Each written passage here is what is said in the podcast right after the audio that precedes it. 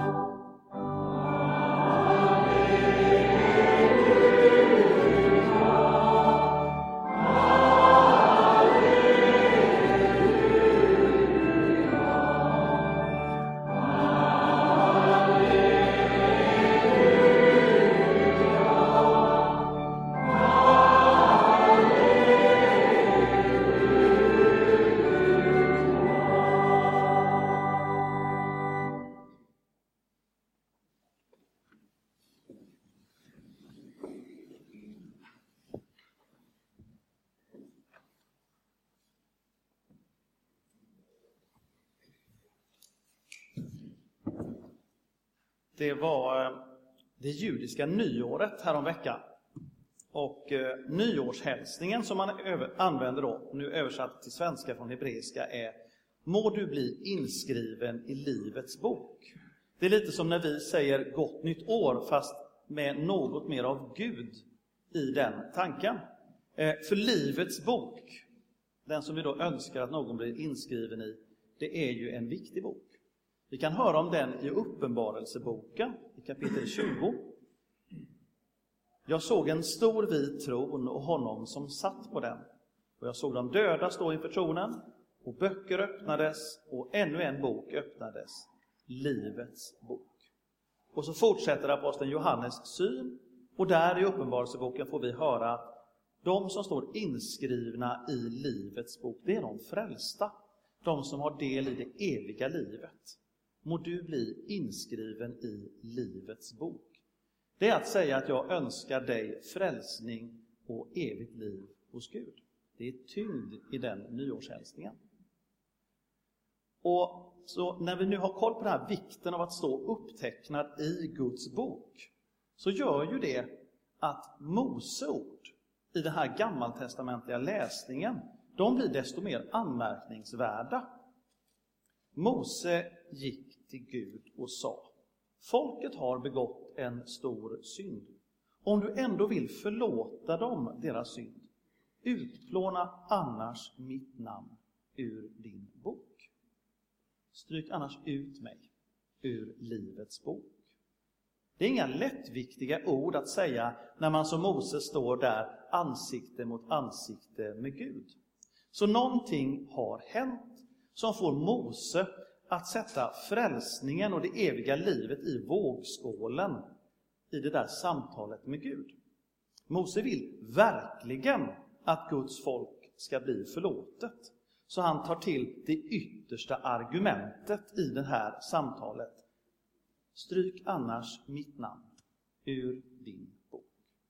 Men vi får backa tillbaka så att vi får lite bakgrund till vad det är som hänt som får Mose att säga sådär. För det är något riktigt dåligt som har hänt. Guldkalven, Folket har gjort en guldkalv som de säger är deras Gud. Och bakgrunden ännu längre tillbaka är att Gud har gjort en hel del för Israels folk. Han har befriat dem ur slaveriet i Egypten. Han har öppnat Röda havets vatten för dem. Han har tagit dem ända fram till Sinai berg, där de nu har sin rastplats, där de kan vila och vänta in att Mose, som gått upp på berget för att ta emot Guds bud, hans lag, att Mose ska komma ner igen. Mose har varit upp och ner några gånger.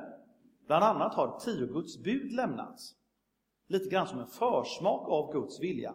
Så att folket fått höra det grundläggande om hur man som troende ska leva. Till exempel att man ska inte göra gudabilder av guld som föreställer djur och tillbe dem. Det har Mose förmedlat till folket bara några kapitel tidigare. Men så är Mose uppe på berget igen och dröjer. Då orkar inte folket vänta. Tålamodet att vänta in en Gud som aldrig svarar, det tar slut. Gör oss en Gud som vi kan se. Och så samlar man ihop alla guldsmycken, och smälter ner dem och gör en guldkalv. Och kortfattat, för att beskriva det här, så är det ett dåligt beslut. Bibeln är väldigt tydlig med det. Det är ett dåligt drag av folket. Om mänsklighetens syndafall, det var när Adam och Eva åt den förbjudna frukten i Edens lustgård, så går det att säga att här är Guds folkets syndafall. De som visste vad Gud hade gjort för dem och visste vad Gud hade sagt, de tröttnade på att vänta på Gud. Så de gör sig en egen Gud. En som de själva har tänkt sig honom. Och innan vi tänker att ja, men det var ju dumt gjort av dem, så skulle vi aldrig göra, så kan vi vara lite självkritiska, lite självprövande här i predikan. Det är okej. Okay. Vi kanske inte funderat, jag gissar det, på att göra en guldkalv, sätta upp den här och tillbe den genom att vi samlar in alla smycken under kollekten. Men att tröttna på att vänta på Gud, den där känslan, den kanske vi kan känna igen. När man ber och ingenting händer. När vi tror och längtar, men Gud verkar hopplöst långt borta. När vi önskar att något svårt skulle få sin förklaring, men så är det bara tyst. När tålamodet att vänta på Gud under sådana omständigheter, när det tar slut, då kan vi ju lockas till samma sak som folket vid bergets fot.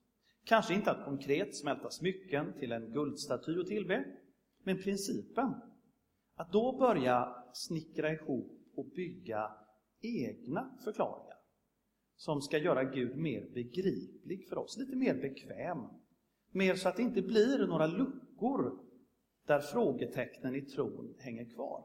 Så att Gud blir lite mer logisk, lite mer lättförståelig och enkel att förklara, så att våran bild av Gud passar bättre in i omgivningen och vad omvärlden förväntar sig att Gud ska vara. En guldkalv.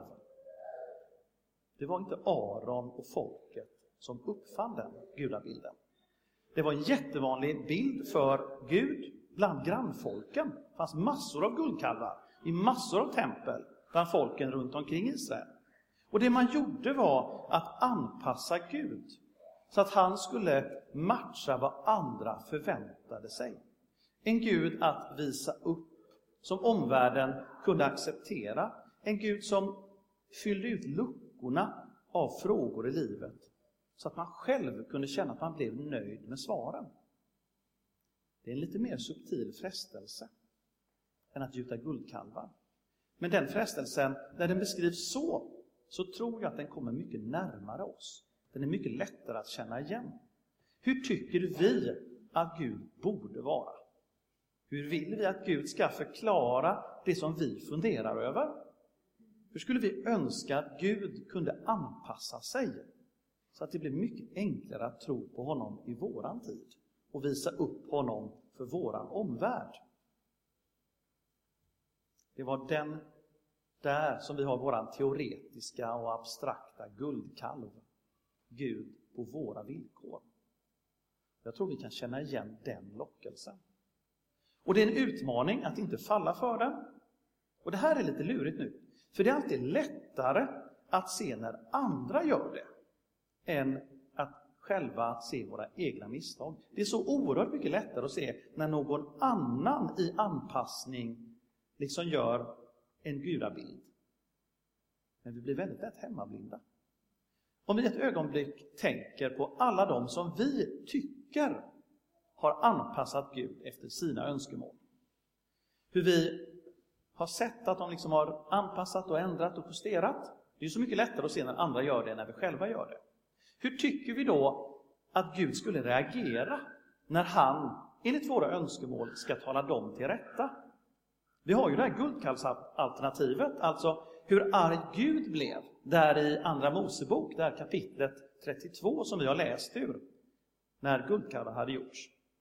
Det är ett långt kapitel, vi fick en liten kort sammanfattning. Men Guds reaktion när han ser att folket gjort en guldkalv, det är att han säger till Mose, Låt mig nu vara, så att min vrede kan brinna mot dem och förgöra dem. Dig däremot ska jag göra till ett stort folk. Det här är ju superbekräftelsen. Vem vill inte höra de orden från Gud? Du har rätt och de har fel. Och nu ska jag dumpa dem, vi gör slut på dem och så ska jag lägga grunden för min kyrka och min församling på dig. Så att alla ska göra så som du har tänkt. Tänk om Gud skulle ge oss det erbjudandet. Att allt som är fel i kyrkan, i församlingen, i hela världen, Gud ska ta bort allt det där som är fel, ta bort alla de som har sagt emot oss någon gång, som vi har retat oss på. Han ska bara rensa bort det och så ska vi, du och jag, få vara grunden och normen för hur Gud bygger upp gudstjänstlivet och församlingsverksamheten och hur allting ska funka. Och så tar vi bara bort allt det där andra som vi har stört oss på så fruktansvärt länge. Vad säger vi till det erbjudandet? För det är vad Mose får när han står där på Sinai berg. Gud säger, jag kan dumpa de andra. Jag behåller dig, för du har rätt. Vad säger vi? Mose sa nej. Mose sa, glöm det. Kan inte du, Gud, förlåta dem? Kan inte du behålla dem och arbeta vidare med dem? Då kan du stryka mig ur Livets bok. Det här är bakgrunden till varför Mose sätter hårt mot hårt. Att han verkligen tar det stora argumentet, stryk mig ur Livets bok. De kanske har gjort fel, men jag vill ha med dem i alla fall. Jag vill Gud att du förlåter dem. Det är ju väldigt lätt att vi tänker så här om kyrkan, om vi ser på kyrkohistorien. Ja, men Israels folk såg inte Jesus, så Gud dumpade dem och så tog han kyrkan istället. Eller så kan vi säga sådär, ja men de ortodoxa hade fel. Så Gud dumpade dem på 1000-talet och så arbetade han vidare i västkyrkan. Eller på 1500-talet, ja men katolikerna hade fel, så han dumpade dem och så arbetade han vidare med Luther. Visst har vi lätt att tänka så? Att Gud dumpar dem som han är missnöjd med. Men nu lär Mose oss att till ett sådant erbjudande säger vi nej. Gud slutar inte att vara trofast, fastän vi människor på tusen olika sätt har gjort massa guldkalvar. Gud testar Mose. Så vi får gå tillbaka till det här kapitlet som vi var i. Andra Mosebok 32, en del av det där långa kapitlet som vi då alltså inte läser, läste. För Guds svar på Mose vädjan för sitt folk. Det här är Andra Mosebok 32, 14. En rätt central vers som olyckligtvis inte fanns med i läsningen idag. Och den är, då ångrade Gud det onda som han hade hotat att göra mot sitt folk. Vi tar det igen, för det här är rätt viktigt. Då ångrade Gud det onda han hotat att göra mot sitt folk. Det vill säga, när Gud hade uttryckt sitt missnöje med att de hade gjort en guldkalv och svikit Gud, så kunde Mose ändå i ett resonemang med Gud nå fram till att Gud förlåter dem. Till att Gud inte låter straffet komma. Till att Gud inte dumpar dem fast de hade fel. Det får vi säga, det var en effektiv förbön av Mose. Det räddade Guds folk. Och han är förebilden för hur vi ska be för alla dem som vi tycker har fel på olika sätt.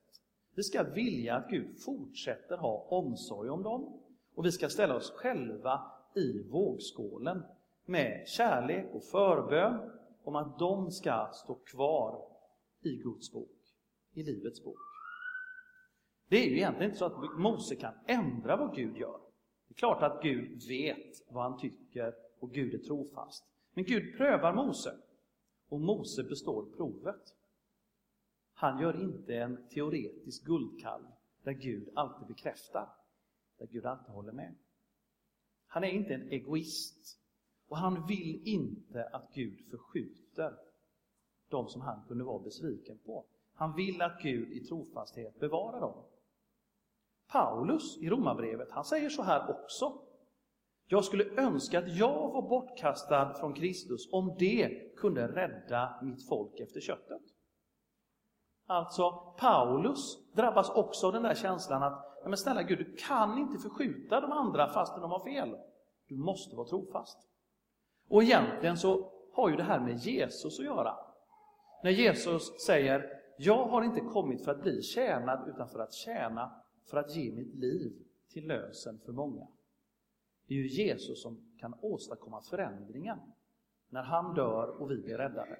Men inställningen som Mose uttryckte, som Paulus uttryckte, det är att följa Jesu förebild. Och då kommer ju det från Jesus till oss. Att vi ska tänka så om våra medmänniskor, om våran omvärld. Att vi ska vädja till Gud, att Gud ska rädda dem. Att de ska få vara inskrivna i Livets bok. För det är vår bön, det är vår längtan. Vi hade ett uttalande av Jesus i dagens evangelium som kan vara lite svårt att förstå. Och det är när han pratar om det där med ögonen. Ska bara ta. Han sa så här. Kroppens lampa är ögat. Om ditt öga är ogrumlat får hela din kropp ljus. Men om, om ditt öga är fördärvat blir det mörkt i hela din kropp. Om nu ljuset inom dig är mörker, hur djupt blir då inte mörkret? Lite svårbegripligt. Men det är så här att att ha ett gott öga, det är det det står i grundtexten. På, i, I hebreiskan så är det att man är givmild. Och det är det som Jesus pratar om. Om vi är givmilda, eller om vi säger så här. Om du har ett gott öga till någon, då vet vi vad vi menar. Om du har ett gott öga till din omgivning, då har du det ljust inom dig. Om vi vill andra väl, om vi präglas av kärlek till andra och givmildhet och hjälpsamhet, då har vi ett gott öga till vår omgivning. Då är det ljust i oss, säger Jesus. Om vi däremot har ett ont öga, som det står, alltså om vi ser med en ond blick, en snål blick mot vår omgivning, då blir det mörkt i oss. Det här handlar om att älska våra medmänniskor som oss själva. Att vilja vara de andra till nytta. Och om, där säger nu Jesus att vi ska vara sådana, det ska vara ett gott öga till vår omgivning. Till och med till dem som inte håller med oss. För då kan Gud ge ljus i vårt inre. Kan Gud leda oss så att vi hamnar rätt. Så har vi Moses som en förebild, vi har Paulus som en förebild, vi har Jesus som en förebild. Att vi vädjar till Gud att de ska få vara inskrivna i Livets bok. Och det finns faktiskt en slutkläm på den där nyårshälsningen. För nyåret var ju häromveckan och sen kom stora försoningsdagen, det vill säga den dagen i det judiska året då man ska be Gud om förlåtelse och försoningen ska gälla, alltså en förebild om Jesus. Då sägs det på nyårsdagen skrivs det in i boken. På försoningsdagen så bekräftas det. Alltså, vi önskar någonting, men vi är beroende av försoningen. Vi önskar alla, vi ber för alla att de ska få ingå i Guds frälsning och det eviga livet. Men vi behöver nå till försoningen. Att Jesus dog för oss, att han räddar oss, att han lyfter av synden ifrån oss. Då bekräftas den där önskan, den som Mose gav uttryck för. Att vi vill att de andra ska få vara kvar, för vi vet att Jesus har åstadkommit det. Låt oss be. Herre himmelske Fader, vi tackar dig för försoningen genom Jesus Kristus. Och vi ber att Jesus och Mose och Paulus ska få vara förebilder för oss i hur vi ser på våra medmänniskor.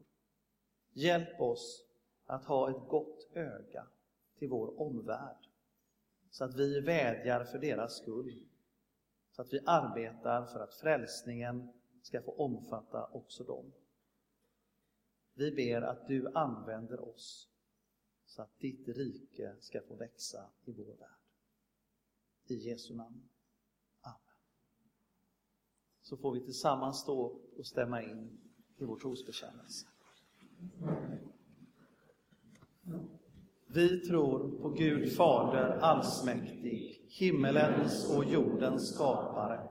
Vi tror också på Jesus Kristus, hans enfödde Son, Herre, vilken är avlad av den helige Ande, född av jungfrun Maria, pinad under Pontius Pilatus, korsfäst, död och begraven, nederstigen till dödsriket, på tredje dagen uppstånden igen från de döda, uppstigen till himmelen, sittande på allsmäktig Gud Faders högra sida, därifrån igenkommande till att döma levande och döda. Vi tror också på den helige Ande, en helig allmännelig kyrka, det heliga samfund, syndernas förlåtelse, det dödas uppståndelse och ett evigt